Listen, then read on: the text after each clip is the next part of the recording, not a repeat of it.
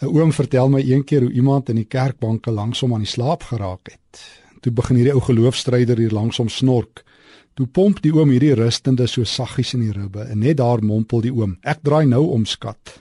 Ek weet nie of dit 'n grappie was nie, ek hoop maar so. Maar in elk geval, nou dat jy ook wakker word, die haan het pas gekraai, die son is al aan die skyn en dit is 'n nuwe dag. Nou is dit ook nodig om vir mekaar te sê, nou net dat ons wakker geword het. Slaap is 'n belangrike deel van ons lewe. Mag ek vra, slaap jy goed? Of laat jou probleme jou snags wakker lê? Dan is dit hoogtyd dat jou geloof 'n impak maak op die manier van jou slaap. Hoor net wat skryf Dawid in Psalm 3 vers 6.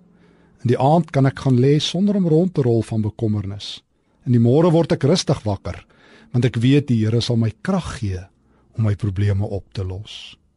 Dinge soos bekommernis en oorvol programme eet dikwels al die brandstof in jou lewe se tank op. Elke aand val jy poegaai in die bed net om soggens weer doodmoeg op te staan.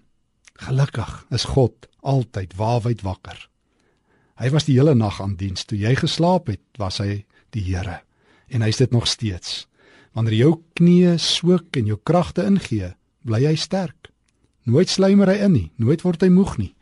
Boonop beloof die Here beloof die Here aan elkeen wat op hom wag nuwe krag.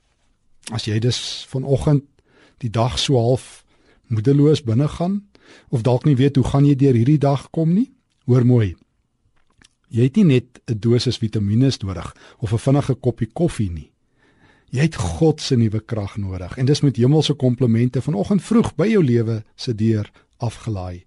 God is elke dag betyds met vandag se porsie manna. Buk net, tel dit op. Neem dit aan in die naam van die Here. Hy is vandag by jou. Hy gaan jou vandag seën. Hy gaan vandag dit 'n geseënde dag maak. En weet jy wat? Dan gaan jy vanaand 'n barsou slaap in die naam van die Here.